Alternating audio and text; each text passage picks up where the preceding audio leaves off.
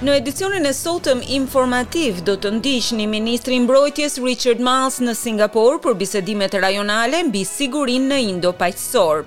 Ukraina lutet për mbështetje ndërkohë që qyteti i pushtuar i Mariupolit goditet nga kolera. Edhe në tenis, Nick Kyrgios përballet në një tjetër ndeshje me Andy Murray.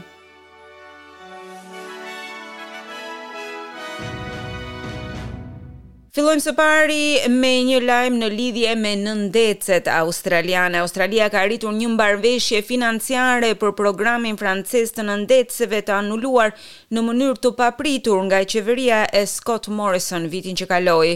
Kryeministri Anthony Albanese tha se grupi naval i ndërtimit do të marrë një kompesim prej pesëqind e pesëdhjetë e pesë milionë euro, ose tetëqind e tridhjetë milionë dollarë australianë, dhe kjo do të ishte një zgjedhje e drejtë dhe e barabartë. Lajmi vjen pasi koalicioni i udhëhequr nga Scott Morrison hoqi dorë nga një kontratë e nënshkruar për prodhimin e dymbëdhjetë nëndetëseve konvencionale në favor të ndjekjes së projekteve të tjera të prodhimit me partneritetin AUKUS. Shpenzimet e përgjithshme të programit të anuluar tani arrijnë në tre pikë katër miliardë dollarë. Zoti Albanese thotë se kjo përfaqëson një humbje masive për taksapaguesit, por zgjidhja do të ndihmojë Australinë në drejtim të riparimit të marrëdhënieve të saj me Francën. France is a key partner for Australia. We share those historical ties going back to the first. Franca është një partner kyç për Australinë. Kemi lidhje të përbashkëta historike që vijnë që nga Lufta e Parë Botërore. Kemi interesa të përbashkët në një rajon të qëndrueshëm të Indo-Paqësorit. Tani mund të rivendosim marrëdhënie të reja, pa i turbulluar ato në të ardhmen, tha ai. Ndërkohë, zëvendës kryeministri Richard Marles është në Singapor kësaj jave për një samit me tridhjetë liderë të tjerë të rajonit. Pjesëmarrja e tij në dialogun e nëntëmbëdhjetë të Shangri-Las është angazhimi i tij i parë jashtë vendit si ministër i Mbrojtjes. Bisedimet e nivelit të lartë pritet të përfshijnë edhe sfidat e sigurisë me të cilat përballet rajoni, Zoti Marles tha se zona e Indo-Paqësorit është një nga zonat më strategjike dhe ka nevojë për një bashkëpunim të ndërsjelltë. Ukraina ka kërkuar mbështetje për të luftuar sëmundjen vdekjeprurëse të kolerës, si dhe të evakuojë qytetarët që mbeten në Mariupol, ndërkohë që qyteti lufton me shpërthimin e dizenterisë dhe kolerës. Kryetari i bashkisë në Mariupol, Vadim Boychenko i tha televizionit kombëtar se këto sëmundje janë rezultat i detyrimit të banorëve për të pirë ujë nga puset e kontaminuar me kufoma, ndërkohë qyteti nuk ka ujë të rrjedhshëm ose sistem kanalizimi funksional. Boychenko i ka kërkuar Kombeve të Bashkuara dhe Komitetit Ndërkombëtar të Kryqit të Kuq që të punojnë në krijimin e një korridori humanitar i cili do të lejonte banorët e mbetur të largohen nga qyteti, që për momentin është nën kontrollin rus. Ukraina thotë se rreth njëqind mijë persona janë ende në Mariupol, i cili kishte një popullsi prej katërqind e tridhjetë mijë personash përpara luftës.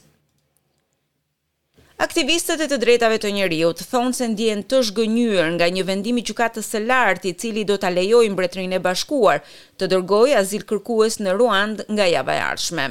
Gjykatësi Jonathan Swift vendosi se ka patur një interes publik që Sekretarja e Brendshme Priti Patel të zbatojë vendimet e emigracionit dhe se rreziqet me të cilat përballen azilkërkuesit e dëbuar nga Mbretëria e Bashkuar janë të vogla. Administratori i kujdesit për Calais, James Nichol, thotë se ata planifikojnë që të apelojnë vendimin.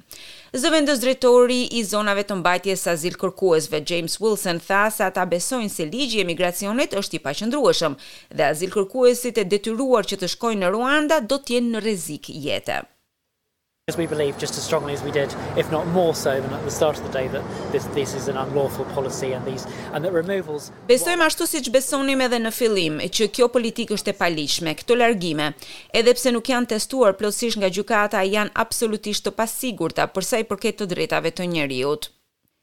Një grup liderësh të Amerikës Latine kanë arritur një marrëveshje me Shtetet e Bashkuara të Amerikës rreth emigracionit të personave që largohen nga vendet e tyre.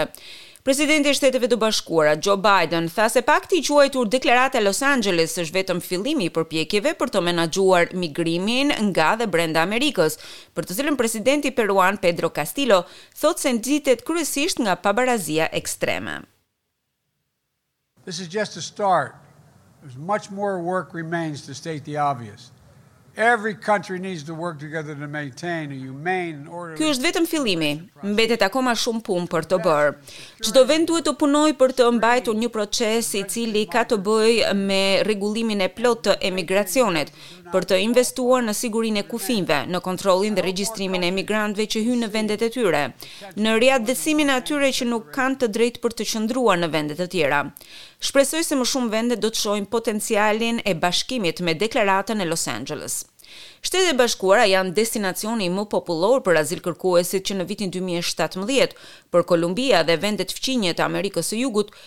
Presin miliona persona të cilët janë larguar nga Venezuela. Meksika paraqiti më shumë se njëqind e tridhjetë mijë aplikime për azil vitin e kaluar, shumë prej tyre nga Haiti dhe ishin trefishi i numrit që nga viti dy mijë e njëzet. Shumë persona nga Nikaragua arratisen në Kosta Rika, ndërkohë që venezuelasit e zhvendosur përbëjnë rreth një të gjashtën e popullsisë së Arubës. Rudy Giuliani, një nga ish-avokatët e Donald Trump është akuzuar për sjellje të pahijshme etike rreth pretendimeve të tij të përsëritura se zgjedhjet e vitit dy mijë e njëzet ishin të vjedhura. Zyra e Këshillit Disiplinor të Distriktit të Kolumbisë ka ngritur akuzat duke pretenduar se seria e çështjeve që Giuliani ka depozituar në gjykatë federale të Pensilvanisë në dy mijë e njëzetën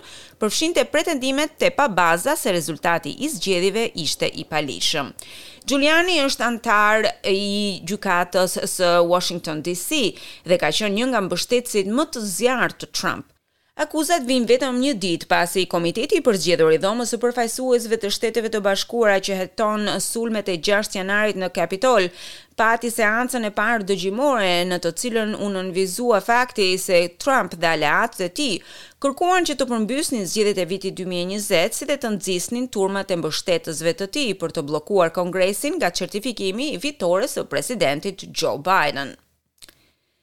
Grupi kryesor demokratik i Sudanit është takuar me gjeneralët e vendit për herë të parë që nga grushti ushtarak i vitit të kaluar.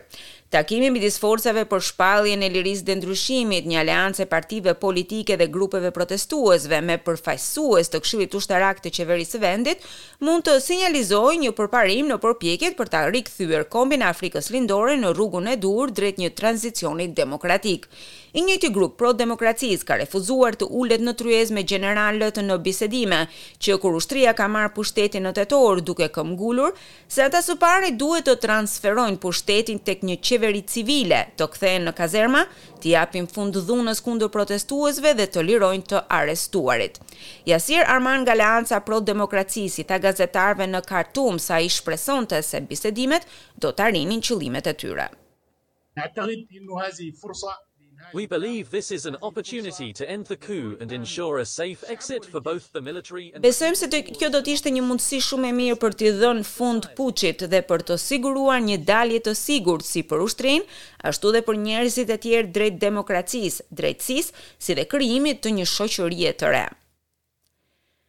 Zyrtarët e arsimit nga dy shtete thonë se po rishikojnë politikat e tyre për nxënësit me aftësi të kufizuara pas një jave të provave të Komisionit Mbretëror për Negligjencën dhe Abuzimin e Personave me Aftësi të Kufizuara.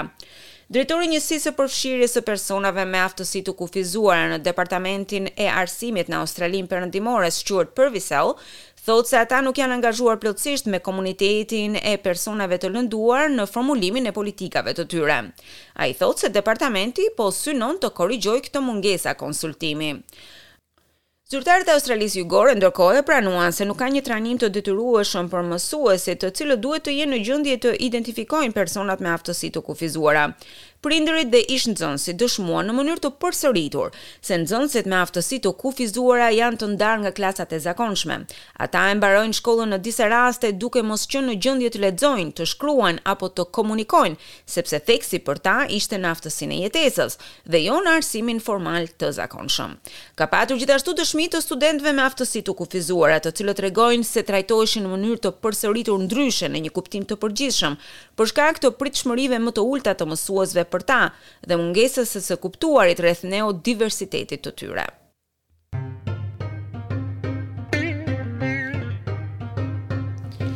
Dhe kalojmë tani në kursin e këmbimit të valutës australiane. Një dollar australian sot këmbehet me 80.5 lek shqiptare. Zero pikë gjashtëdhjetë e shtatë euro, zero pikë shtatëdhjetë e një dollarë amerikanë dhe dyzet pikë katër denarë të Maqedonisë së Veriut. Kalojmë në sport. Nik Kyrgios do të përballet me Andy Murray për herë të shtatë në turin e ATP-s në gjysmëfinalet e Stuttgart Open. Kyrgios fitoi kur kundërshtari i tij hungarez Marton Fucsovics u desh të tërhiqej gjatë setit të dytë, ndërkohë që Kyrgios udhëhiqte shtatë, gjashtë, tre, zero. Kyrgios dhe Murray janë takuar për herë të fundit në Wimbledon katër vite të kaluara dhe australiani aty siguroi fitoren e tij të vetme në tre sete. Përpara kësaj ndeshjeje, fituesi i Grand Slamit kishte mundur Kyrgios në pesë rastet e tjera, përfshirë këtu edhe katër Grand Slame.